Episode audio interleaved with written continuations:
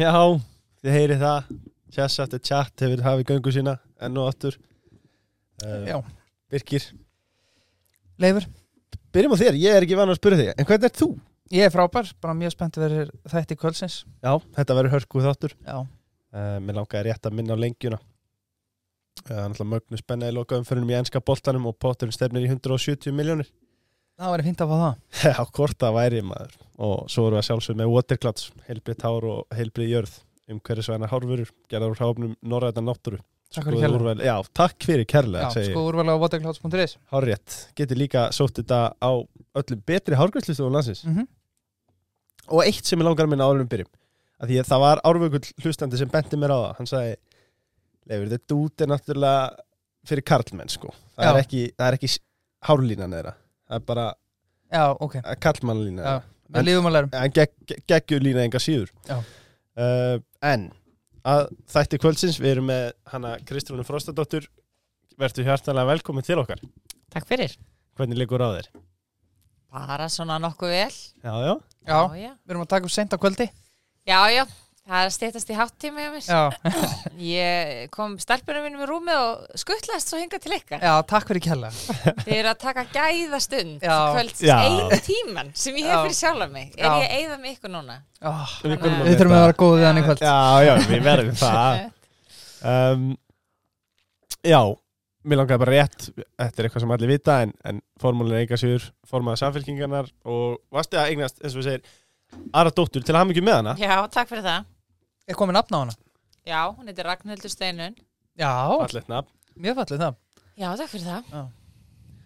um, Þegar þú komst til okkar fyrir um ári síðan Já, ég ætla bara að vaða beint í þetta, er það ekki bara? Jú, Jú, jú. Já, já. Farðu bara beint. Annars ef þið þeirri leikmannakynningu þá er fyrsti þátturinn jafnvel betri Byrjið honum, Hann er takkið svo nummer tvö hörkugóður. Já, já um, Já, en þegar þú komst til okkar síðast fyrir um ári síðan sagður að Benti ekkert til þess að forsæða sér aðra Það er Katrín Jakobsdóttir hafi nokkra skoðun á því hvernig ríkisjóður sér reikin Það sló í gegn Sagði ég það? um, Ef við horfum núna á 12 mánuði Já. Hefur þín skoðun eitthvað breyst hvað þetta var? Nei, hún hefur það í rauninni ekki. Sko, ef mér minnir rétt, þá líklega sagði eitthvað þá leið að annarkvort hefur hún ekki, já, hún, hún hljóta hafi ekki skoðun að því, verðan þess að valla er hún sátt við hvernig þetta er gert, ef hún hefði eitthvað mikla skoðun að því. Um, það er bara mjög skýrar áherslur í fjármálum ríkisins og það hefur byrtust bara núna nýlega í fjármálaállun sem kom út í lókum mars og byrtust í fjárlögum fyrir jól um, og það eru þetta mismunandi pólitíska skoðunar hvernig að reyka ríkið. Ég meina, ég er alveg meðvitað um það og ég get bara borið virðingu fyrir því að, því að fólk er ekki sammála. En það kemur manni kannski á óvart að, að hérna, flokkur eins og vinstri græn, grænir séu sáttu við það að það sé verið að fara í almenna gjaldahækkun á fólk og í árferð eins og núna, það sem er bara mikil verðbólga, mikil erfið að húsnæðismarkaði fyrir marga, sé svona uh, tekjupóstar eins og fjármæstekjuskattur og auðlindaskattur og, og fleira sem að gæti kannski komið inn á móti þó það var ekki nema bara tímabundi til þess að fjármagna um, stuðning við bara venlegt fólk í landinu að það sé ekki að gerast á vakt vinstir græna en auðvitað er ósangjant að mér að segja að þetta sé á vakt vinstir græna en þetta er auðvitað bara vakt bjarna. Skilur hann stýri já. og hann hefur rosalega mikil áhrif. Ég hef líklega sagt eitthvað þennan vegi fyrra og ég hef ekkert skipt um, það, um þá skoðun. Fjármálaráðaniti er bara gríðarlega hérna áhrifumikið ráðaniti það er Mhm. bara þannig, ég meina peningar reyfa heiminn og þeir reyfa ríkið og, og ef það er ekki stert mótvæði að koma á fórstisránundinu þá auðvitað verður bara leikurinn svona. Mm, Klart mál. Við fengum náttúrulega Ingu Sæland til okkar í senustu viku. Já, góð þáttur. Uh, Já, mjög fín, endilega kikið á, á hann. Uh, En hún orðaði svo að Bjarni Ben væri hreinlega einræðisar á Íslandi. Um, Og er, er er Katrín kannski svolítið búin að afsala sér völdum til sjálfstæðisflokksins? Er hún búin að gefa undan í þessum sko sér ekki stjórn? Ég veit ekki hvað ég á að segja. Sko, ég, veit, ég veit svo sem ekkert hverjar hennar markmið voru einstinni með þessar ríkistjórn. Ef ég er bara alveg hreinskilin. Ég menna að fólk er í pólitík og getur verið með alls konar markmið og uppaflega þegar þessi ríkistjórn var stopnuð þá, eða mynduð þá var náttúrulega hugmyndin um stöðuleika og það var erfitt stjórn að fara og, og partur af mig getur sýnt í skilning, sko, 2017. síðan gerist þetta aftur 2021 og það Mhm. er kannski fórsendur orðna svolítið að, aðrar í rauninni heldur þessi ríkistjótt sér saman út af fylgisökningu framsornaflokksins Já. sem var svolítið svona hlutlust fylgi fylgi sem hefur runnið mjög hratt af þeim aftur Já, já. og var með sér svolítið óvist kannski, kannski ekki hvað það var að kjósa þegar Var ekki bara best að kjósa framsók? Þetta var svolítið svona, æ, ég veit ekki, fylgi. En hérna, en sko sjálfstæðsflokkurinn hefur náttúrulega komið sér í magnaða sta- stöðu og verið í magnaðri stöðu undan fyrir ár sem fælst í því að af því að hann hefur alltaf verið stæstur, um, þá hefur flokkurinn þrátt fyrir að representa sko minniluta skoðan í landinu, leiði mér fullir það.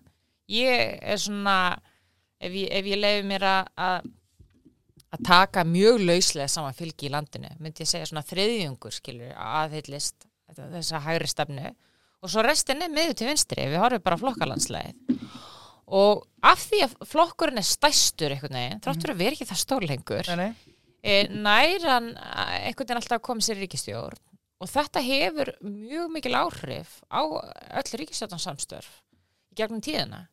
Þannig að einræður ekki einræður ég er alveg viss um það að fullt af sjálfstæðarsfólki þarna úti sem er ósatt með ýmislegt sem sjálfstæðarsflokkun er að gera í dag í þessari ríkistjórn en þau hafa áðbáslega mikil áhrif og ég hef sagt það í gegnum tíðina og hérna við líklega rættum þetta í fyrra eh, líka að þessi einokun flokksins á efnarsmálum hefur Mhm. líka rosalega mikil áhrif Já. og það var eitt af því sem að kannski svona ítti mér út á hana vettvang af því að ég hugsaði bara, herru, ég hef þessa þekkingu og hérna þessa skoðanir líka um, ég held að þessi komin tími til að þau fá líka smá já. á efnarsmálusveðinu og við getum bara tekið debatin um að þetta snýst ekki um að þetta sé eina leiðin til að reka ríkisjóð, skilju. Þetta Já. er pólitísk stefna Mhm. um hvernig við rekum ríkisjóð og svo getur fólk verið ósamála um það. Já, algjörlega. Uh, og það er einmitt næst spurning, þú veist, kannski tólti búin að svara henni, þú veist, ef við horfum til fjármála áallunar, er þetta hægrið eða vinstri áallun á þínum mati? E, þetta er kannski svolítið kvorki. Ég meina, Já. ef við hugsið úti, ég, hérna, ég meina, hægra megin, ég meina, það er halli á ríkisjóði. Heldur betur. Um, þetta, vandin er náttúrulega sá að það er einhvern veginn engin vilji til að eiga við tekjurnar en það kemur þrýstingur, auðvitað kemur þrýstingur á útgöldi en eitthvað að þeim er bara svona kerfislegri vöxtur við höfum ekki átt við kerfin okkar í langan tíma, almanntryggingakerfi, uh, helbriðiskerfi, allir þessi þættir eru svona kostnað sem vindur upp á sig að láta hann óareittur. Ég menna ef þú hérna fjárfestir ekki í, í góðu helbriðiskerfi þá endar einhvern veginn allir kostnæður náði að verða meiri en, en, en annars en þess að þú ert að eða markvælt meiri peningi í að vera með mannskjörn og legudeld á háskólasjúkrási í staðan fyrir hennar öldrunarheimili en það kostar pening að laga vandan og komast á undan honum. Um, þannig að við erum svona með kerfislega útgjöld og svo er þetta einhver þrýstingur sem kemur frá svona meðju vinsturfloknum að það. Um, en það er engin vilji til að eiga við tekjurnar. Þannig að Nei. þá bara myndast halli. E, þannig að þýlitinu til held ég að þetta sé eiginlega svolítið svona kvorkin ég að útgjaldarliðin er í ósátt ekki ef því ég vil sjá báknið blása út af því það sé eitthvað sjálfstætt markmið. Heldur ég átta mig á því þegar maður skoða statistíkin á tölunar að ymmið þessi kerfislega vöxtur í velferðarkerfinu örorku, helbriðskerfi hann mun bara halda áfram og rekstrakostnaðan veru hærra og hærra og hærra hlutfall að öllu og fjárfestingin lægra hlutfall. Ef við fjárfestingum í þessum grunn kerfum okkar Já. Og þess vegna hefði ég vilja sjá meiri útgjöld á ákveðnu sviðu Mhm. en það þarf að fjármagna þau, sérstaklega árferði eins og núna. Og, einmitt, og kannski til að gripa hana bolta það sem ert kannski líka að segja bara er að ef við sveltum þessi kerfi uh, ár eftir ára þá náttúrulega mun koma að skuldadöfum einn daginn. Það er nefnilega málið og þetta er þessi umræða um skuldir kynnslóðana. Velta, þú veist, þetta er svona mjög vinsælt frasi að hérna, við megum ekki gera börnunum okkur. Já. Koma skuldir yfir aðra kynslu. Ég, hérna, ég hef örgulega sagt þess að sögungstar annar staðar að það er ágætt að vera að endurtaka sig. Já. En sko, ég hef oft tekið dæmi um foreldra sem ákveða að erfa börnin sín skuldles hús um, og hafa eitt öllum peningunum bara í að borga neð skuldir en ekki gert neitt í viðhaldi. Og þú færð húsið í hendunar. Meina, þú getur keft svona hús Já. ekki mörg hérna kannski höfuborgarsvæðin út á landi til dæmis sem eru bara ónýtt og þú ert í rauninni sko að lenda í veruleg vanda þegar þú færið egnan afhenda en þess að þú þarft að fjárfesta svo óbærslega mikið í hana til að gera hana standhæfa og hérna til að stansetja eignina og þetta er mjög lýsandi fyrir innviðina og ríkisræksturinn Já. er að þú ert ekkert að gera framtíðar kynslunum eitthvað gagn með því að nota umfram pening í að borgarnir skuldir ef að það er rekstrakostnað sem að bara hleðst upp og gerir kannski bara rekstur ríkisjóðs Mhm. ósjálfbæran Já. og þetta er að einhverju leiti vandi við bara pólitík að það er hlutirnir eru reknir til fjóra ára Skilur, það er allir að keppast við bottom lineið sitt Já. og þú sér það rosalega mikið í allir dýnamík í pólitík ekki bara á ríkisstínu heldur líka til dæmis hvernig ríki á samskipti við sveitafjölug fyrir flesta almenna Íslendinga og gerir engin greinamenn hvort þeir eru að fá ofnbæra þjónustu fyrir ríki að sveitafjölagi Nei, samanlega þetta fæstir eins og átti sig á Hvort, muninu já, sko. einmitt. Ég er ekki að grínast. Fólk hugsa bara, herru, þetta er bara ofnbæri þjónusta velferði þjónusta, en það er rosalegur slagur þarna á milli vegna þess að það er búið að færa til dæmis mikið af þjónustu sem var á ríkistíinu yfir á sveitafélögin grunnskólan er á sín tíma síðan var málflokku fallast fólks eh, færiður yfir eh, hérna fyrir svona rúmlega tíu árum síðan. Og þessu fylgdi ekki nóg mikið fjármagn. Hefur gert það að verkum að ríki hefur tekist að halda svona sínu bara svolítið hreinu. Síðan er sveitafélagar lendi í vanda vel annars út af kostnaði sem var ekki reiknaður á sín tíma við að viðhalda þessum málaflokkum. Og þá snýr einhvern veginn fjármálraður sér við og segir bara þið kunnið bara ekki að reka hlutina í staðin fyrir að átta sig á því að þetta er samspil þú verður að hugsa um heildamyndina og þú getur ekki bara sagt ég er að reka mína einingu til fjögra ára Já, og svo eru bara allir hinnir bara fyrir utan það. Og þetta er líka partur af pólitingin sem ég er ósatt við.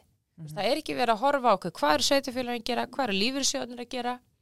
Um, af því að það er allir svo upptekni að bara sína bottom line ég meina ég horfi á veru mína mestu kosti í pólitík og míns flokks snúast um að þjónusta fólk ekki, þú veist, að ég ná að útskýra fyrir þér að ég náði almennilegum rekstrarafgangi þetta árið. já, Mér byrjuði þetta skild að halda jafnvægi á ríkisjóði. já, já, En það er ekki markmiðið mitt, skilur. nei Það er bara eitthvað sem ég aðlaga til að ná markmiðinu mínu. mm Já, algjörlega Mm. Alveg svara Þú talaði fyrir því í silfun eftir þingkostningar að kaupaukakerfi kviku væri til fyrirmyndar. Myndir þú vilja sjá uh, rýmkaðar heimildi fyrir heimildi fyrirtækja að setja árangust til launakjör? 25% hámark í laun til dæmis sem fjármælut fyrirtæki í dag. Nú ertu líklega veitn til þess að ég að setja að væri til fyrirmynda verðan þess að allir starfsmenn gáttu nýtt sér það. Já. Já. Sko, ég meina að þýlutunum til er það til fyrirmyndar, já, það er ekki verið að gera upp á melli starfsmanna. Ég held að þetta fari samt auðvitað eftir fyrirtækjum. Ég meina það er verið að til dæmis afgreða hérna mál á þinginu í dag sem snýra kaupréttum, sérstaklega rýmkaðar heimildi fyrir kauprétti nýskopina fyrirtækja og tækna fyrirtækja. Ég meina þetta er bara þekkt fyrirbæri í þeim geira að oft er þetta fyrirtæki sem eru ekki fjáraslega í stakk búin til þess að borga starfsfólki sínu almennileg laun mm -hmm. en er að í samkeppni við sérfræðinga í öðrum geirum, ég meina einhver hægurmenni myndi til dæmis segja og hefur ofinbera, já. sem er að greiða fín laun. Og þarna er þetta að veita fólki svona tækifæri til að kaupa sig inn í, inn í hérna inn í fyrirtækið. Mér finnst allan að grundvallar atriði að þegar svona réttindi eru sett fram að þau eigi þá við alla starfsmenn fyrirtækisins og það sé geta til þess að fjárfesta almennt í fyrirtækinu. Mm að því sögðu er ég engin sko, sérstökur hérna, forsvarsmaður kaup eitthvað skilju það vildi bara þannig til að ég var starfsmaður í fjármálafyrirtæki og í fjármálafyrirtæki þá hefur þetta verið algengar en annar staðar. Það er ekki þar með að það sé sangja Nei, nei. eða mér finnst að það eigi að vera þannig. En, en ef, ef að þessi kaup ykkur eru á annar borð til staðar þá er það til fyrirmyndar ef þeir eru veittur, veittum hérna, almenn starfsmönnum. Já. En ég verð síðasta mannskinn sem fyrir eitthvað að halda því fram að þetta séu heilu réttindi starfsfólks, hvað það í fjármálfyrirtækjum, Mm þar sem að starfsfólk er í grunninn mjög vel já, fyrir vinnu sem ég ætla bara að leið mér að fullera það, hafandi sjálf unniðar og hans að gera lítið um minni vinnuframlægi, álæði sem er starfsfólk þarna með til að mynda fólks í, fólks í heilbriðskerfinu, mm þannig að þetta er auðvitað bara allt, allt, allt annars eðlis, sko. Kósi gegn við leiðin á því. Já, ég meina, það já, Já, já, leifur Það er vinni banka þannig, ég ætla bara að kósí- segja það. Já, já, já. Leifur tekur undan að kinga kolli. Já, já. uh, já, þú ert náttúrulega í banka. Já, já, Er ekki báðir í banka? Jú, ég er enda komin í samskip núna. Já, var í Arjónu fimm ár þannig að þarna- þetta var raunhagkerfið. Einmitt sko. bankin var of kósi fyrir mig. Ég er mjög hrifin af þessu Gaubauka hækjör já, þú ert líka ombið starfsmæður Já, já. Já, emmi já Já, uh, Kristján, þú talað fyrir hækkun uh, fjármáttekju skatts og upptöku eigna skatts uh, raukstuði það með því að þarna væri verið að hvetja efna fólki í áhættu samari fjárfestingu Er það mögulega verið að ganga of langt þarna í hagstjórn? uh, Ganga of langt í hagstjórnast að meina að hafa á- áhrif á hvata fólks? Já, sem sagt það var verið að ganga langt í hagstjórn með því að beita þessum sk- sköttum til þess að breyta hefðan fólks Já. uh, Nei sko ég, ég horfi meira á þetta sem rök fyrir því þessi rök snýri meira að hvort þú eigir að vera bara með fjárhastekki skatta eða bara með eigna skatta eða hvort þú eigir að vera með bæði. Og það heyrast oft þessi gag- gegn eigna skatta þetta sé svo ósangjant þess að fólk sé, það sé verið að marg skattlíkja hlutina ok, höfum eitt að reynu það er allt marg skattlagt við borgum vask af öllu skilur, þú ert búin að borga hérna, tekjuskatt, svo fer út í búð borga vask, Já. skilur Borga alls ég meina, þú veist og í rauninni er það þannig að bestu skattkerfi heimi eru skattkerfi sem taka smá aðeir allstaðar af því að þá er erfitt að svíkja undan skatti, skilju Já. Þú veist, þetta er bara kalla fakta. Og þetta er ekki eitthvað sem ég er að flóta undan. Menn það er ekkit óeðlegt að vera marg skattar í því samingi auðvitað þarf að hafa á, hérna, velta fyrir sér heildar skattbyrði skilji, Mhm. Auðvitað ég get að segja að það sé þetta skattleikja fólk endalaust. En hérna en þessi hugmynd, eða þessi, þessi umræði kemur oft upp í sambandi við eigna skattana að þeir séu svo ósengjarnir verðan þess að fólk sé nú þegar búið að borga skattaði og auðvitað fer þetta líka alltaf eftir í hvar þú setur viðmennamörkin Ertu að tala um að láta fólk borga eigna skatt af innbýlishúsinu sínu já, eða ertu að reyna að koma á eigna skatti fyrir fólk sem á, þú veist, halvan miljard oft talað um gömlu ekkjuna og eitthvað svona. Já, já, Já, já. og ég velti bara fyrir mér ef gamla ekkjan býr í 250 miljón krona húsi og hún er ein, skilur, getur hún ekki bara selt eignina og flutti eitthvað minna og kassað út? Nei, af því að við vitum Já, já, já. hvað gerist. Þegar hún selur, hú- ef, að- ef að hún hérna býr hérna að eilífi þessu húsi það það er til að, að, að hérna, að börnin hennar mögulega erfa það mm -hmm. þau selja bara húsið, skilur En við breytum gömlu ekkinu samt í bara fjórabanna fjölskyldu Já, já, en það er það sem ég er að segja, skilur, þú verður auðvitað og það, það er einmitt það sem er svo áhugast þessu umræðum skatta. E, við dettum alltaf í eitthvað svona smáadrum, en þessi einstaklingur, en þessi, sko, við þurfum að tala um markmið, Mhm. hvað við erum að reyna að gera. Það sem við erum að reyna að gera og þegar ég hef talað um eigna skatta, er ég bara að tala um, mér finnst ekki eðlilegt í velferðsamfélagi eins og Íslandi, þar sem við í heildina höfum það mjög gott, að við séum samt í þannig samfélagi að það hverja manna þú ert skiptir máli varandi hvers konar lífi þú mitt lifa. Og það er bara þannig hér Já. að ef þú átt fóreldrar sem geta redda þér hann á húsnæðismarkaðin þráttur að setja sömu launinum og einhver annar sem þarf að byrja á legumarkaðinum þá mun líða þetta eilífu vera öðruvísi. Vegna þess að þú þarft mögulega að borga 100 krónur á mánuði, vera í örgu húsnæði eignast eitthvað ert komið með hérna kaup á markanum þannig að þú sér hérna eigi fyrir drísa á s- félagiðin sem er á sömu laununum er kannski að borga 300.000 á mánuðilegu er ekki eignast neitt, skilur og á ekki breyk á ekki breyk og fyrir mér er það óréttlæti og mér finnst það óréttlætanlegt. Og ef að það þýðir að við, við komum á kerfi, einhvers konar kerfi þar sem við reynum að jafna út þessa stöð þar sem fólk sem á gríðarlega mikla regnir getur gefið eitthvað af sér inn í samneysluna til þess að við getum farið í úrræði til að styrkja fólk sem á ekki efnaðar fóreldra eða meir svo fóreldra sem er kannski ekki stórefnaðir en samt nógu efnaðir til þess að stiði bækja fólki, fólki að, að fólk bara greið aðeins meira. Við erum ekki að tala um að taka húsið af fólki. Nei, nei, fókusin þarf að vera þar. Síðan þegar þú ert komið ráðanætið já, þá sestu niður og hugsa, herðu, hvernig kemur við vekk fyrir að hann Jói hérna og Dísa með fjögubötnin lendi þessu? Hvernig kemur við vekk fyrir að ekkjan sem er þe- í þessu húsnæði og út af XY seta ástæðum getur ekki selt undan sér hérna lendi í þessu? Mhm. Sko, við megum ekki festast í því að það sé ekki hægt að útfæra hlutina með markmið að sjóna með. Þannig að ég gef bara mjög lítið fyrir þessi dæmi um að velja þessi einstaklinga. Þetta er alltaf besta leiðin fyrir þá sem eru stórkostlega efnamiklir til þess að reyna að fá alla hina sem eru fyrir neðan sig í egnum já, til þess að fríka út ef við sínum hag til þess eins að allir hinnir sem að mega alveg við þessu losna undan skattbyrðinni.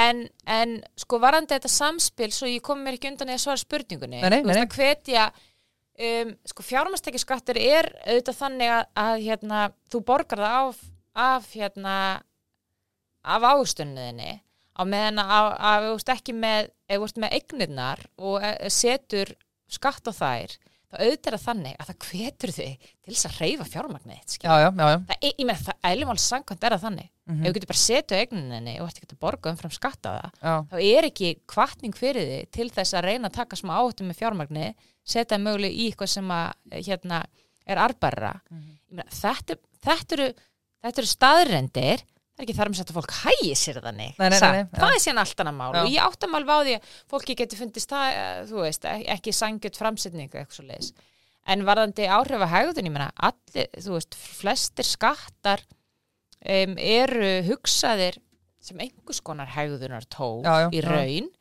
Um, auðvitað eru sömur sem horfa bara á þetta sem tekistofn en jafnað fólk, ég meina flokkurinn sem ég er í horfir á skatta líka bara sem þú veist, hérna, tól til þess að jafna stöðu fólks og, og, og komi veg fyrir að það en hvað hún kemur já. þú veist, sé í algjörlega að fara regulæra lífið sko. Þú veist, það var eitthvað verið að tala um að svona skattar getur haft áhrif á samkefnisefni og þú veist, það hefur nefnt til dæmis auðlega skatta í Nóri að fólk sé bara að flýja land og annað. Já, alltaf hræðilegt að búa í Norri Já, en það ekki? Þannig að er ekki bara alltaf hérna, brennandi kaldra kóla í Norri Allir að leipja döðun og skell Jú. Já, já, ég meina ég hef alveg heyrt þessi rauk en þeir eru ekkert að tala um að fara að hyrða eignir af fólki, skilji. Við erum að tala um að byrja einhverstaðar, skilji. Við erum að tala um að byrja einhverstaðar og ástæðin fyrir ég, ég nefni þetta kannski sérstaklega með eins og fjármaks og eignaskatta er að sko, ef, við, ef við hugsið ykkur bara, þú veist, hinn almenna launamann sem að hefur ekki það mikið aukala eftir hver mánamón til þess að leggja mikið fyrir, til þess að fá fjármastekjur uh, á uh, kannski húsnæði, fyrst og fremst. Sá aðili, hann fær bara launaseðlinn sinn í lokum mánar og það er bara búið að taka hann úr skattana. Hann hafði ekkert um það að segja, skilju. Og, og ríki veit nákvæmlega allt um þennan einstakling vegna þess að kerfi okkur reikið þannig að tekið skattskerfið segir þér allt um einstaklinga sem er launafólk. Eignafólk, það veit engin neitt um það. Nei, Vegna þess að við erum ekki með neina skatta. Skilju, við höfum ekki yfirsýn á eignarliðinni varðandi hver hérna einfjárstaða mjög margra einstaklinga er. En það var tekifólk, sann? Það var Tekifólk, áður en það var eignafólk. Já, já, algjörlega, en þú ert ekki, við erum ekki með kerfi sem fylgir einstaklingunum í gegnum tíman, Nei, nei, skilur, nei. þannig að þú veist ekki, þú veist, hvar hlutinni safnast upp. Þannig bara punkturum minni þessi, það er svo margt í kerfinu sem er rekið út frá launamanninum, skilur, og upplýsingagildið og, og passa upp á þessi aðli sé ekki að svíkjöndan skatti, skilur, mm og síðan ertu með stóran hóp eða hópa fólki sem hefur fjárvæstekjur og á eignir og bara gott og vel, ég hef ekkert að móti því en þetta bara snýst um bara ertu tilbúin að greiða eins meira til samfélagsins? Já, þetta eru þetta bara pólitísk sín skilji, Já. ég er ekki að segja að öllum eigi að finnast þetta. Ég veit að finnst ekkert öllum þetta en ég veit hins vegar veist, að ef við ætlum að reyna að reka hér samfélag þar sem við ætlum að standa undir stóru velferðstónum okkar heilbrískerfinu, öldrunarmálum mentakerfinu og þetta eru allt hlutir sem að með aukinni velsælt fólk gerir miklu meiri kröfur til í dag Mhm. en fyrir 5, 10, 15, 20 árum þetta er allt ofnbæralega reikið við sættum okkur ekki við slæma þjónustu eða að jaðarsetja fólk út af hérna, föllun eða út af bakgrunn við viljum greiða í þessa málflokka þá þarf að sækja tekjur fyrir þetta Mhm. og ef þú stendur frammi fyrir því að hækka skatt á almenna launamann að hækka skatt á einstaklinga sem eru hérna, e eiga miklar eignir og þurfa ekki í rauninu að smauka krónum að halda Nei, nei. til að halda sér floti þá vel ég þeir setna það er bara eins og ég horfi á stöðuna já, já, Mér langar að hnýti eitt sem þú sagði á hann sem ég er hjartana samanlega Kristrún. Þú varst að tala um sko uh, fólk sem að kemst inn á fastegnamarkaðin, jafnvel með hjálp fóreldra sín og annað slíkt. Uh, hvað það býr við tölvert betri kosti en þá sem gera það kannski ekki en eru kannski að svipa um launum út æfina. já, Þetta er uggvænlega þróun sem við erum að sjá með hækkandi fastegnaverði. Tala nú ekki um bara einhver aðli já og, sem á ekki íbúð og fóreldra hans er kannski ekki heldur íbúð. Þetta, þetta er að skapa frekari stetaskiptingu, það er engin spurning. Já.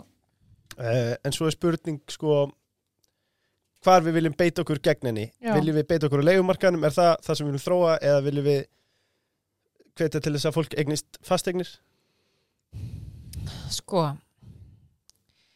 vandin í dag auðvitað leigumarkaði er að það vill enginn vera það af því að leigumarkaðurinn er eins og leigumarkaðurinn er. Já, ég meina við erum með lönd í heiminum eins og Þískaland þar sem 50% af einstaklingum búa í leiguhúsnaði Mhm. og það er bara vegna þess að þú getur bara búið í leiguhúsnaðinu og alveg eins og þú borgar að verðri lániðinu sem aldrei eignast skilur á Íslandi eða eh, greiðir aldrei almennilega niður um, þá ertu bara að borga leigu. Og þú getur treyst á það að þú getur þessuna búið alla æfi í, í íbúðinni. Er ekki Angela Merkel hérna kanslari fyrir kanslari hún bjóð í, í leigu íbúð í Berlín þetta, þetta snýstu þetta bara um húsnæðs öryggi og Íslandi hefur verið eh, svona skapa það norm um, að til að tryggja að þú sért örugur það sem ert þá verður að eiga það. Og þess vegna skilji alveg að fólk líti legumarkaðan hortnega og hugsi bara það er að fyrsta sem ég þarf að gera er eignast húsnæði en við erum komin samt að þann stað þetta er að verða absúrt, ég menna það er bara fermingabörn að leggja peningar sína fyrir íbúðum. Ég er ekki að grínast. Og við erum komin hérna á, á mjög förðurlega stað þar sem að það fer einhvern veginn öll orka og allir sparnaður í að fókusera á fasteinumarkaðin í staðin fyrir að líka fókusera á mögulega mikilvægi þess að vera með öflur legumarkaði ég meina, við þurfum auðvitað að gera bæði upp að einhverju marki, skilju að styrkja legumarkaðin og hérna, getur fólks til þess að komast inn á markaðin en ef þú styrkir legumarkaðin gerir það hagkvamara að leia sem ungur einstaklingur til dæmis þannig ertu auðvitað að auka getur fólks til þess að sapna sér inn fyrir útborgun, skilju það er auðvitað partur af því líka. Um, þú breytir líka þá svona bara dýnamíkin á markanum, það er kannski ekki allir tilbúinni til að kaupa sér einn, skilju, undir 30 það er ekkit endilega sjálfgefið, þú sett búin að ákveða hvernig þú vilt búa, hvar þú vilt búa hvar á landinu, sömu flytti erlendis og þess að þar þannig að ég skil alveg að, að svona, það er fólk ekki eðlislegt endilega að tala bara um leigumarkaðin ef, að, þú- ef að það ólst sjálft ekki upp í þeim aðstæðum. Þannig að það hugsa bara að það fyrsta sem þarf er bara húsnæðisöryggi. En ég held að við þurfum þá að spyrja okkur af hverju það er þannig Mhm. og horfast í augu við það að það er fullt af fólki sem býr á leigumarka í dag. Og mér finnst við bara að byrja að skilda sem samfélag að styðja við fólk sem er ekki komið inn á markaðin e, til þess að, að geta í rauninni bara lifað svona svo til eðlu lífi þrátt fyrir að vera á leigumarkaði. Mhm. Við erum að tala um það eru svona óframlega tölu sem benda til þess að fimmtungur fólks, eða hátt í fjórðungur búa á leigumarkaði og fólk er kannski að borga 350 krónur á mánu Já, fjölskyldur um, til að leia. Þetta eru mjög erfiðar aðstæður. Um, ég hef verið mjög gaggarinn á það undarfarið ár og tvö uh, frá því ég komin að þinga það hefur lítið verið gert fyrir leigjundur á ríkistjóninni. Um, það er ekki vilja til að grípa til neittna úrræða með þess að þó sé ekki tímabund, sé bara tímabundi á meðan að það reyndan á okkur jafnvægi húsnæðismarkaði verna þess að þetta gat sem er í dag milli frambás og eftirspurnar, það tekur tíma að fylla í það Já, já. og þó ég skilji alveg að fólk vilji ekki vera eitthvað að krukka beint í markanum með legubremsu ég meina allar af prinsip ástæðum að láta fólk bara brenna? Já, skil, en þú veist, þú eitthvað verður að gera og staðan er þannig á Íslandi ólíkt til dæmis löndunum í kringum okkur að við erum með svo lítinn félagslegan markað, legumarkað í Danmörku er þetta í kringum 20% af markanum þannig að það er bara 15 sem að ríki getur aktuált bara sagt eða í rauninni óbeint með svona ógnandur með fjölum haldið aftur að leigunni. En við erum með svona í, í kringum 5-6% hér og e engar í rauninni hömlur á hvernig leigu verði sett sko. Sko, einmitt, talað um leigubremsuna uh, Leigubremsan er náttúrulega líka einhver liti, er það ekki bara eignanám á það sem að eiga fast eignan fyrir það? Af því að hún lækka strax í verði ég meina eignarnám meina af hverju er það eignarnám? Ég veit alveg, ég meina ég hef lesið sem hagfræðabækur og þú, þetta er eitthvað að blasu fjögur í þú veist, hvað er hérna fyrsta bókin sem að lesa í þjóðafræði, þetta er eitthvað sem allir hafa lesið, Já, já. að það bara má ekki setja rent, rent control á eitthvað svona. Sko, þetta er auðvitað ekki löst til lengri tíma að setja þetta á. En það er heldur ekki sjálfgefið að sko hvað ég segja, við séum komin á þann stað að eitthvað eins og heimili fólks sem bara búið að breyta í fjárfestingafur fyrir ekki, þetta leiði mig bara að segja þetta. Já, já. Já, Þú 100% veist, þetta er ekki bara eitthvað verbrif fólk, það er fólk sem býr þarna. Og já, ég skil alveg að það er fólk þarna úti sem hugsa, herði, ég kefti hérna þessa íbúð, ég hef búin að reikna mig upp í þessa arsemi og svo er ég með þessa vakstagreislur og þetta verður að dögu fyrir því. Herðu, en þú ert líka með undirleikjandi eign Já, og hún er kannski búin að hækka um 10, 10, 10 prósenta frá því að þú keftir þessa eign þú ert með leigjenda sem fikk ekkert að þeirri hækkun en er að borga allan vakstakostnaðin mhm. þannig að þú ert í rauninni að fá rætið á því skilur án þess að fjárfesta neitt fyrir það. Um, en ég er líka bara á því að mér finnst ekkert sjálfgefi að það sé kvati til þess að nota íbúður sem fjárfestingu. Meina, það er bara mín skoðun. Mér finnst að leigumarkaðurinn eigi ekki vera drifin áfram sem fjárfestingatól til þess að ná mikill arsemi ég Já. myndi vilja frekar sjá í auknum mæli hann drifin áfram af óhagnadrifnum aðilum eða aðilum sem eru tilbúin að sætta sig við kannski aðeinslægri ávöxtun en stöðu eins og lífyrsjóðir mhm. og, og í, í löndum eins og til dæmis Sviss er það bara þekkt fyrirbæri að lífyrsjóður fjárfesta í húsnæði og uppbyggingu húsnæði. Já. Þeir eru ekki bara fjárfesta í kaupum á húsnæði, já, það er allir fjárfesta í kaupum en engin uppbyggingu og eru kannski ekkert að fá okkur að brjálaða ávöxtun en þeir eru að fá stöðu einmitt ávöxtun. Og svo kannski líka bara til að, að þau erum að tala um þetta náttúrulega við sáum á Springisanda sunnudagi sem að stjórnarfámaður Ölbu mætti viðtala sem hann talaði um að Akkurat. lega væri of lág á Íslandi Já. og það væri hækkanir framöndan uh, En hann sko, Þetta hlýtur að vera óþægild að heyra sem leiðandi Nei, ég meina þetta er líka, ég bara hef eiginlega aldrei heyrt það sjóna með, það, það er alltaf fundir einhver ástæði fyrir að leigan sé ekki nóg að há, skilur. Annarkvort er það vextur rótnir háir eða að eftirspurnin er of mikil og þá þurfum við augljóslega að aðlaga markaðin. Það var held ég ykkur rauk sem voru notu í þessum þætti líka. Um, eða að, að það þurfa að vinna upp fyrir kostnað eitthvað svo leiðis. Sko, það er hægt að fara í líka endurskipulagningu á hvernig húsnæðstuðningur er. Allt tekur þetta tíma, ég er alveg meðvituð um það. Men í dag erum við með húsnæðspætur sem virka fyrir leiðundur.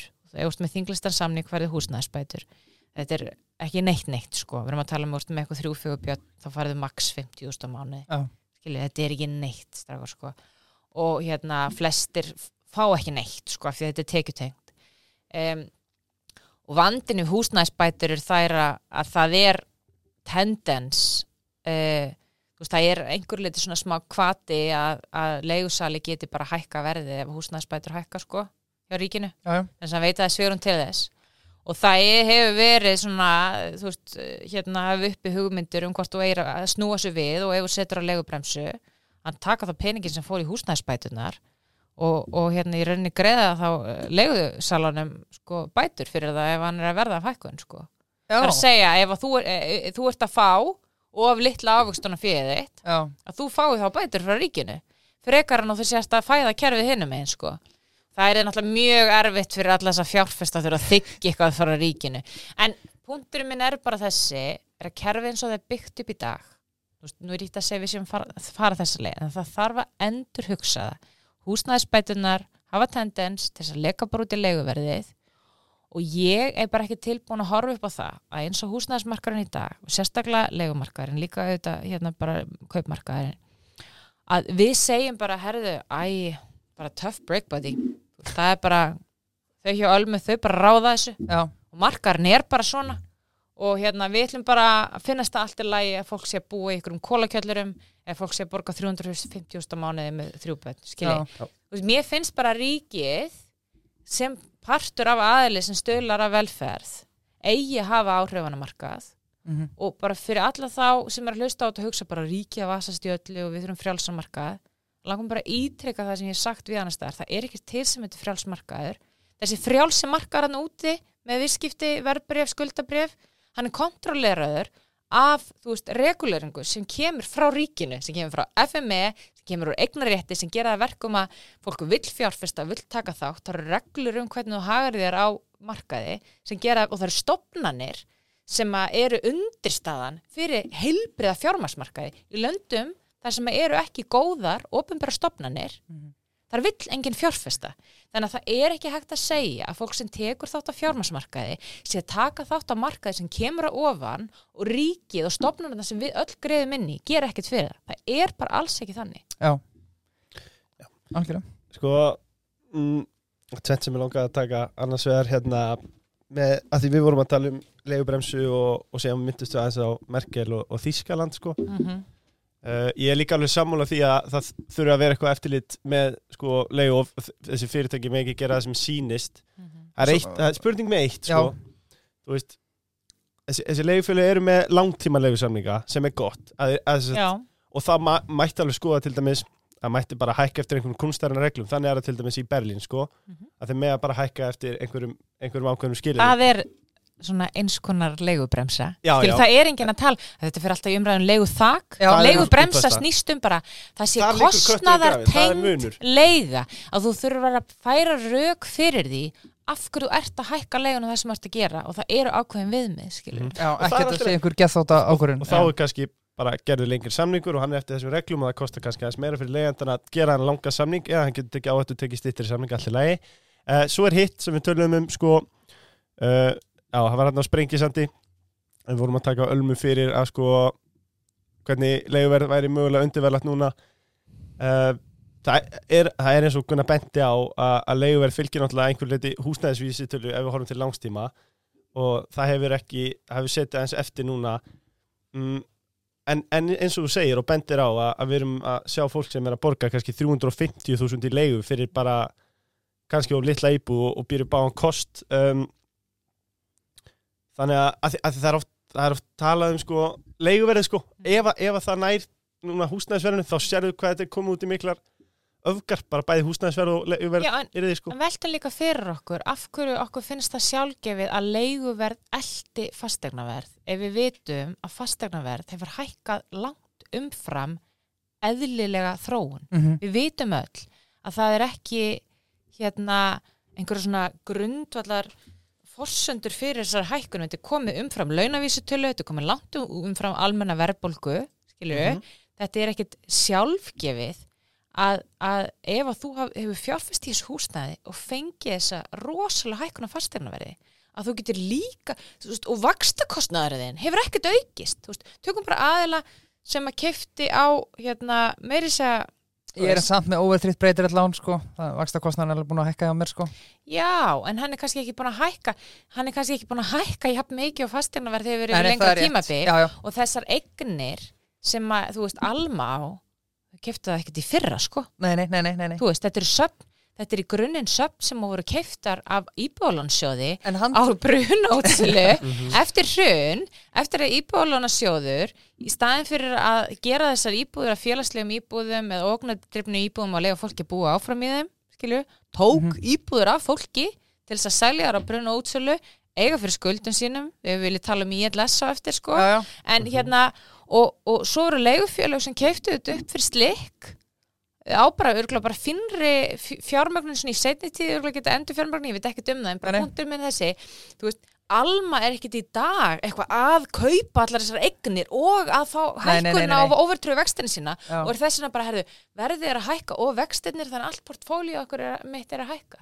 Er þetta ekki þannig? Ég hjóði mitt eftir því sem var að segja sko er að að því að Kristján en þú þáttastjórn verður samt alltaf smá með líka samt við uh, Já, riskfrí reitið já, en þú veist það sem að hann kom með, skilur, sem ég varst alveg fer, þú veist að því að þá sagði Kristján eitthvað, já, ok, vissilega leigu er eitthvað búin að standa í staðsangat einhverju vísitölum og annað, en þú veist, þeir eiga þessar eignir á móti sem eru að hækka að raunvirði bara 20% árið eitthvað, en þá sagði hann eins og Gunnar, stjórnarformaður, hann sagði sko að leigufélög eru samt ekki fasteignafélög, þú veist, þeir, þeir reksturinn á, leigan á að reka reksturinn, skilja hvað við. An annars þeir þeir að selja til að við Já, þú veist, þannig að þú veist, það er punkturinn að leigan sé ekki að kofra reksturinn Já, já.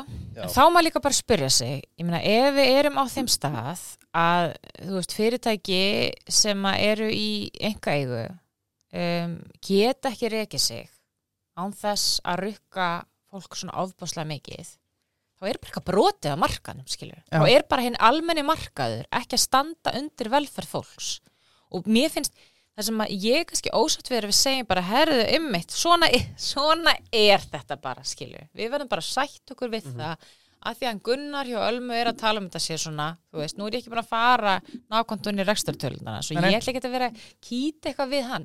Punkturinn er þessi, fyrir mér snýst þetta ekki um hver á þetta leigufélagi, hvort að þetta sé gott eða vond fólk eða hvort þau sé að segja satt eða ekki, þú veist, ég er ekkert þar. Ég er bara að horfa á fólkið, skilur við hvað aðstæður fólk býr? Og ef að markaðurinn er ekki að fungara fyrir það þá finnst mér við sem samfélag bera ábyrð í saminningu til að koma í vekk fyrir að þessi þróun haldi áfram. Og þá það bara að velta því fyrir sér hvað á að gera. Ef að legufélög og almennum markaði segja þetta sé ekki hægt þá þarf bara að velta fyrir sér, ok þarf hefur ofnbæra að koma í auknum mæli inn og við þurfum að niðurgreiða húsnæði til þess að breyka óhagnæðdrifna stofnin ef óhagnæðdrifni stofnin á íbúðum er starri þá með tíð og tíma þá heldur það aftur af hækkunum. Vegna þess að þá er hægt að halda hækkunum þar í skemjum þá þarf hinn markaðurinn að elda og þá þarf kaupmarkaðurinn að elda Já. þannig horfi ég á þetta. Þannig ég er ekkert ykkur svona herrferð gagvart leiðufél þú veist, þetta, þetta, þetta er svona eins og með skattanaðan vorum að tala um, um, um ekkjuna og hvað með þennan ef þessi fær. Það er ekki mitt markmið mitt markmið er bara að við lögum þetta og ef markarinn er ekki að fungera þá er engin einn aðil út í bæ sem en laga þetta það er alltaf, þú veist, það sem vofir yfir, skilur, sem að er stjórnandi í hérna svona velferðarsamfélagi og það er grundvallar atriðum bara ríkistjórn sko. já, já. algjörlega Leifur, eitthvað meira svolít kommenta á leiguna, erum við ekki góður í þessari umræða? Ég held sem bara mjög góður Mjög gott, mjög gott Já En þetta var þetta brautriðandi tækni Birkir þegar þú gast tjekkað inn bara í símanum. Já, það engin spurning, ég Og- menna þú getur bara mættu nánast kortir við flug, sko. Já, getur þú ímyndaðir að þú getur bara kert upp á flugvöll skili bílinn eftir mm okkar menni baseparking taka við honum passa upp á hann svo kemur bara heim.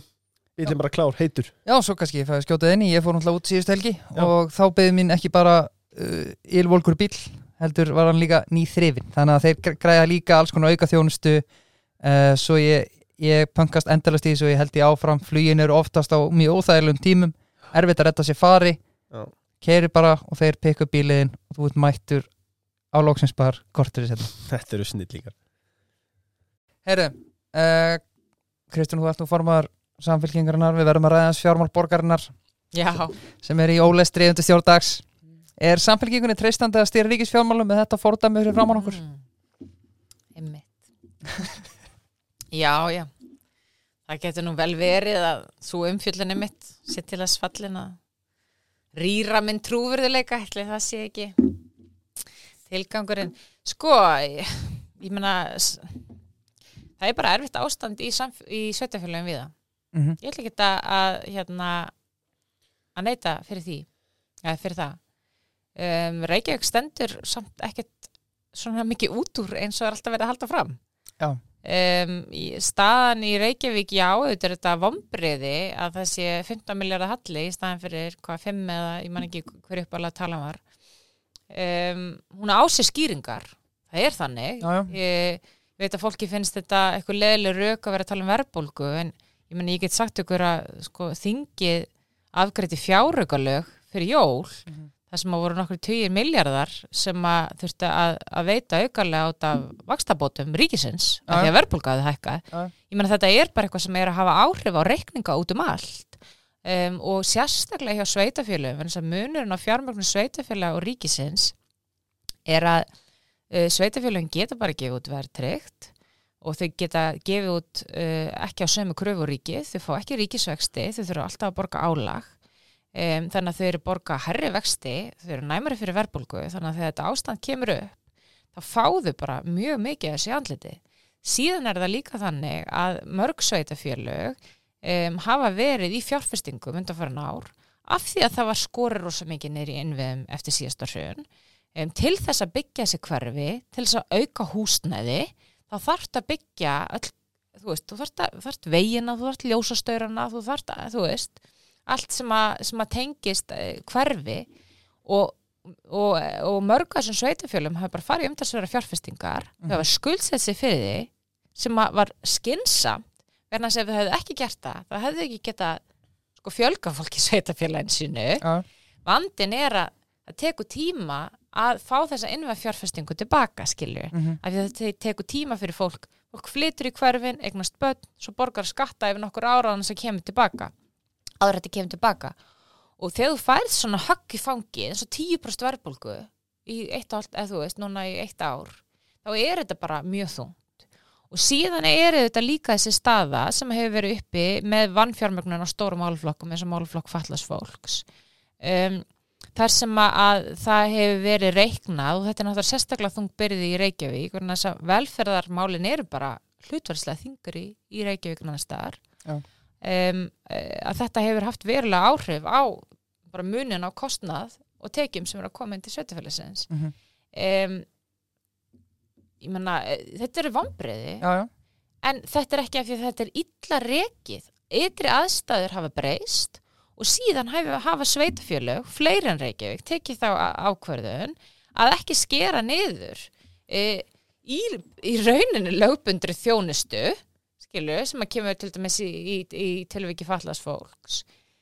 Það kemur oft upp umræðum að það sé stjórnsíslan og stóðsviðan og eitthvað svo leiðis já, ég meina ég myndi bara vilja fá sjá þessu gögn svart á hvítu. Já. þetta er, ekki, þetta er ekki minn skilningur á því hvar stóru kostnæðarleirnir er. Ég meina 70% af kostnæði e, til dæmis Reykjavík og borgar eru bara velferðarmál skilji, stóru línurnar já, eru bara þessir þungum málflokkar sem að hafa í velsaldarsamfélagi uh, aukist umfangi að við gerum meiri kröfur og ætlumst til þess að- við styðjum betur við hvort annað og það hefur ekki fjármagn fyllt af almennilega. Já, algjörlega. Þú eiginlega greifst hennar bolt sem ég ætla að taka næst. Uh, miðlega stjórnsýsla, þú veist er ekki alltaf margir ofnveri starfsmenn? Fjölgun starfsmenn er borginni, aukist um 1200 manns og aukir ekstra kostnaður aðhluta meir en 20 miljardar þú veist, margir segja óra síðan með almanna fjö og ímiskona gæluverkefni séu gaggrinnisverð um, hann að þú er kannski að segja að þessar tölur séu kannski ekki það sem er meik og breyk þetta er bara ekki það sem hreyfi nálina mm. ég er ekki að segja að þetta skipti ekki máli. Ekki miskilja mig. Auðvitað Ok. skiptir þetta máli þá að fara vel með ofnbært fjö um, en ég var að ljúga ef ég segði, segði ég vissi hvert hlutfallið væri á Reykjavíkuborg, Ok. ég veit ekki, þú verður að fá dag til þess eiginlega. Já, en bara punkturinn minn er það sem ég veit nógu mikið um reksturinn hjá sveitafjöluðun almennt af því að ég, aktuált með þessi áðan ég fór í pólitík ég þá síndi í sveitastofnastíðinu mikinn áhuga um, og mér fannst ósangjarn umræðan um sveitastofnastíð að er mjög svona, uh, svona mikil tendens hjá sérstaklega fólki sem að er svona ráþæra megin, einhvern veginn að snúa sér við og horfa á sveitastofnastíð fólk og segja bara þið kunnuð ekki að reka neitt Mhm. og hérna mér finnst þetta mjög ósangjöld framsetning vegna þess að mikið af þessari dýru en dýrmætu velferðþjónustu, nærþjónustu hún er rekin á sveitafélagstíðinu hún hefur magnasta umfangi ekki verðan þess að fólk er að fara illum pening heldur verðan þess að kröfunar af aukist. Það eru örglega einhver verkefni sem hefði ekki átt að gera bara eflaust. En þetta er ekki það sem er að hreyfa nálun þessa dagana og við getum bara tekið samanbyrði við önnu sveitafélag fyrir aftur að tala um hérna, yfirvóndi gjaldtrótt Reykjavíkur eitthvað svo leis ég menna skuldalutu til dæmis í Reykjavík það er bara með því lagsta sem er á höfuborgarsvæðinu sko. En er samt ekki ágefnið eins og til dæmis hvað var lítið þáttaka í skuldabrjóðbóði Reykjavíkuborgar? Ég þekki bara ekki bakgrunnin að því nógu vel Mm -hmm. e, sko, ég, ég hugsaði að þú myndir tala við fólk á markanum að myndir frekar geta útskýrt fyrir því hvað er í gangi ég menna partur að því líka bara hvernig stemningin á markanum veist, er mikið að, að hérna, peningi að leika, leita fjárfestum akkurat veist, á þeim tíumpunkti Mhm. ég hef ekki upplýsingar til að tjá mig um þetta hvort þetta hafi verið staða Reykjavíkuborgar eða bara vilji hérna, fjárfesta almennt til þess að að, að, hérna, að, fara inn í þa- þetta er líka bara vandamál. Um, en eins og ég segi, þú veist, mér finnst bara sanngjarnara að þessi umræða um stöðu borgarna sem tekin í samingi við stöðu sveitafélagsstegsins um, þetta stjórnsýrstegi er búin að vera berjast fyrir sanngjarnari dreifingu á, á fjármagni millir ríkis og sveitafélaga og skiptingu eftir að þau fengið þessu stóru málflokku yfir sín, til sín og ég meina að þú getur fengið fullt af fólki úr sjálfstæðsflokknum sem er að stýra sveitafélagin sem er sammála um að þetta er vandamál sko. Já, já, þetta er ekki bara eitthvað sem dagur segir. Nei, nei, og eins og ég segi, ef þú skoðar skuldalhutvöld bara hérna á höfuborgarsvæðinu þá er Reykjavík bara í já, um, þróunin hefur kannski verið niðra við hjá einhverju sveitafélagum en það er verið þess að, að það er verið að skuldinu voru svo ofbáslega háar til dæmis í, í Hafnarferði það voru ofbáslega háar í Kópavogi en þau eru samt valla komið niður fyrir stöðuna sem er í dag. Það er sama við ef að þú skoða bara veltu fyrir frá rekstri og, fleira. Þannig að borgin er ekkit sér kapitul í þessi nei, og þetta er þrátt fyrir, leið mér að bæta við að, Reykjavíkuborg á hans að vera tala niður henni sveitafjölu það er bara staðrind að hún sinnir miklu meiri velferðarþjónustu en henni sveitafjölu hlutvarslega það sem fer af kostnaði þeirra og tekjum í rauninni yfir í velferðarþjónustu er langkæsti Reykjavík, það er langflestar almennar íbúður þar sem sagt fyrir fólk sem þarf á, á hérna, áderri húsnæði að halda. Reykjavík stendur undir stærsta hluta velferðarþjónustunni hérna á höfuborgsvæðinu, hvað Já. það er í landinu. Og þá er ég ekki að gera lítur hlutverkjana sveitafélaga, partur að því er auðvitað bara þetta er höfuborgin, skilur við Mhm. en það þarf auðvitað að horfa til þess að það hefur auðvitað áhrif á rekstarniðstöðuna Þannig að svarið við spurningun er að uh, fólk þarf ekki að óttast að þó að við séum að þetta dæmur fram á nokkur hafa samfói í ríkistjóð. Alls, alls ekki All, en, Engin vandamál Nei, ég meina punktur minn er bara veist, ég vil bara fá sangjarna umræð um þetta skilju. og það sem að ég kannski bara vek aðtökli í þessu samingi er að það er komið plan í Reykjavíkborg um, þú veist, hvernig þú, er, hvernig þú ætla að vinda ona þessu. Það er ekki eins og þau sitji með þetta og segja bara, herru, þetta er bara fínt, skilju. Þau eru Já. þetta ósátt við að hafa fengið þessar verbætur í fangið, að hafa ekki fengið meira frá ríkinu þegar koma málflokki fallast fólks. Það þýr ekki bara eitthvað að sitja í þessu 50 millara gati.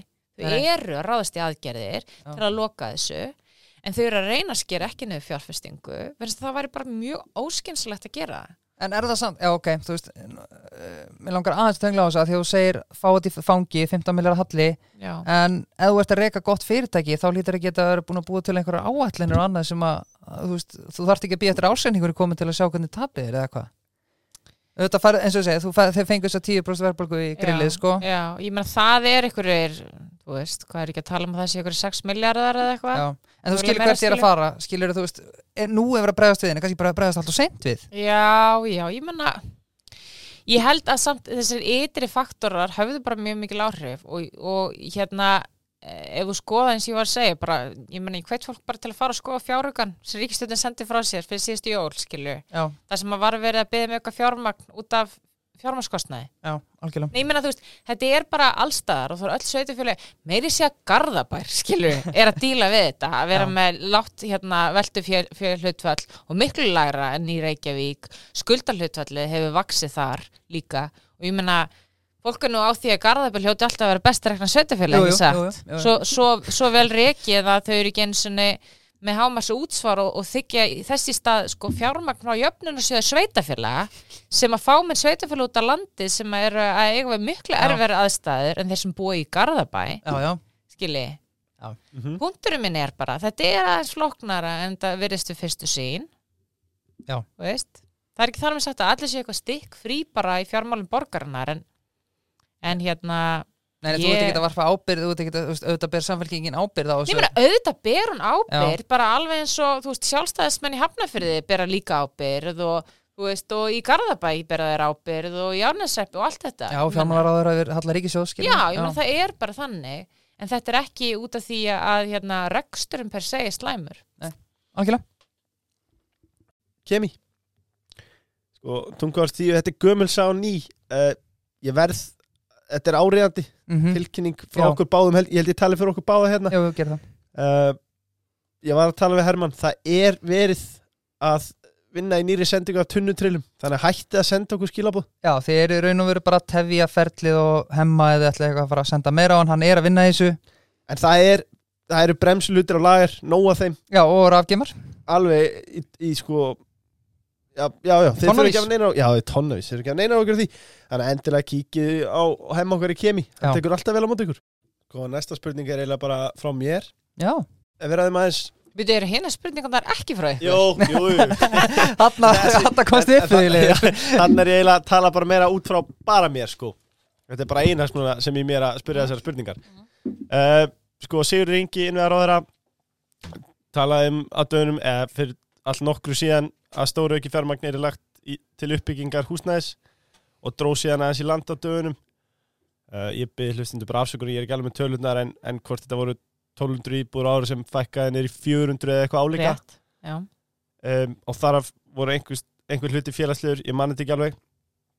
Uh, hvernig leysum við húsnæðisvandan ef við, ef við, við erum nú aðeins búin að ræða leigumarkaðin Já. Sko, þetta, þetta, þessi, þessi átlun sem hann, þú ert að vitna til, er að ég menn þátt að byggja 10.000 íbúðir yfir ákveð árabil. Uh, hugmyndi þar var þá að fyrstu árin er þetta, hérna, var ekki 24 til 28, það var ekki lengra en það? Já, þetta var bara mjög stutt tímbil, þátt að byggja 1500 til 4000 íbúðir fyrstu árin, skilur, Já, þetta voru bara, þetta átti að vera freka bratt, sko. Mhm. og sem sagt af þessum cirka 3500 á ári þá er þeim þrið, þriðjungur svona óhagnaðadrifin eða félagslegum forsendum og það eru þá svona í kringu 1200 íbúðir.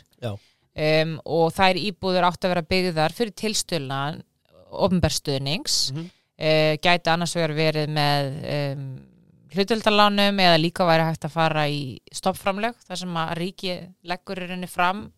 Ásand sveitafélagi ákveði bara framlag til uppbyggingar þannig að hérna, byggingaraðili þurfi ekki að veist, taka jafn dýrt lán. Þau geta fengið lán hjá HMS sem er með lægri byggingakostnaði og, og, hérna, og félagi sem heldur utanum bygginguna sem er óvagnar drifna félagið fær þá styrkðarna á móti stoppframleið eða, eða hérna, já, í upp í það.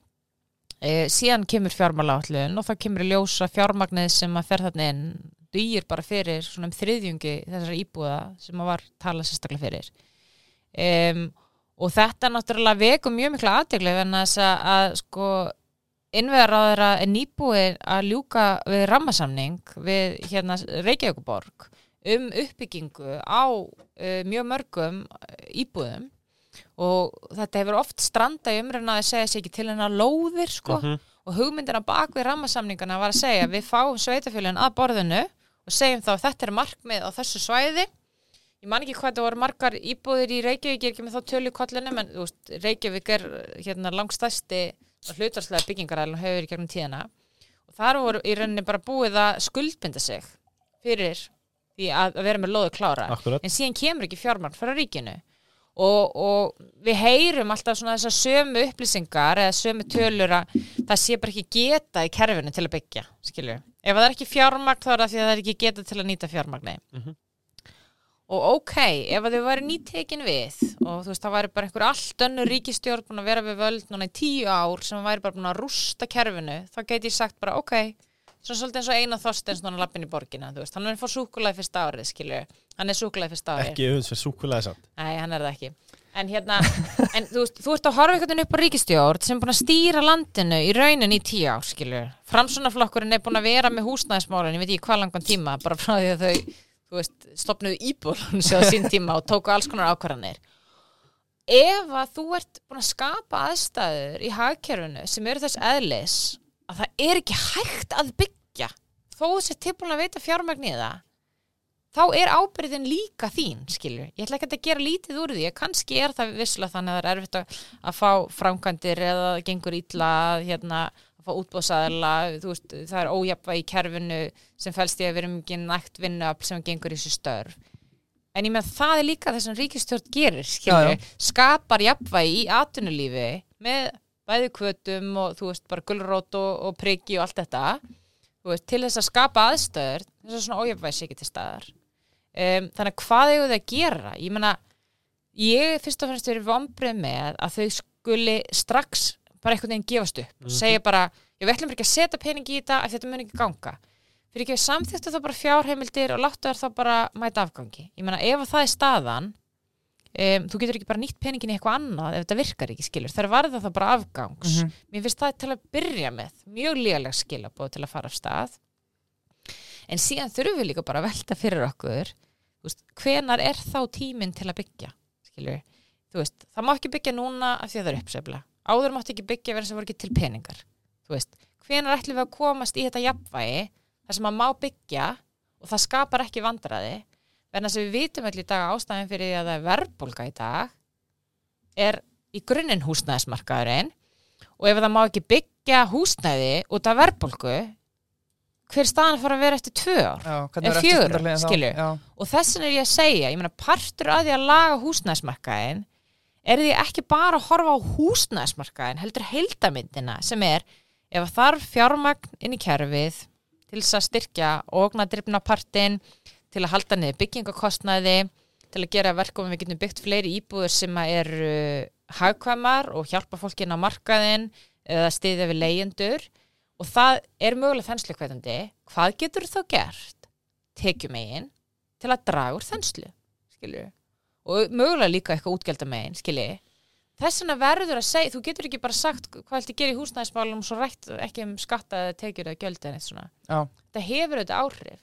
Þannig að ef að þau upplifa að þau get ekki hreift sig af er svo mikið þensla þá, þá eru þau bara de facto að taka það ákvörðin að við erum bara ekki tilbúin að hreyfa okkur þess að við viljum ekki hreyfa neitt annað en veist, hvað á að gera? Ég menn það er verið að reyna að gera hluti eins og skaffa loður, ég menn sveitafélögin komu að þessu rammasamkomulagi og eru, það er verið að reyna að gera fleiri svona samninga. Mhm. og ég menn samband íslenska sveitafélagi gerði bara mjög stóra aðtöksend við fjármálaállun á þeim fórsöndu þau sögðu bara, herðu, við fórum hérna bara í massíða samningsgerð.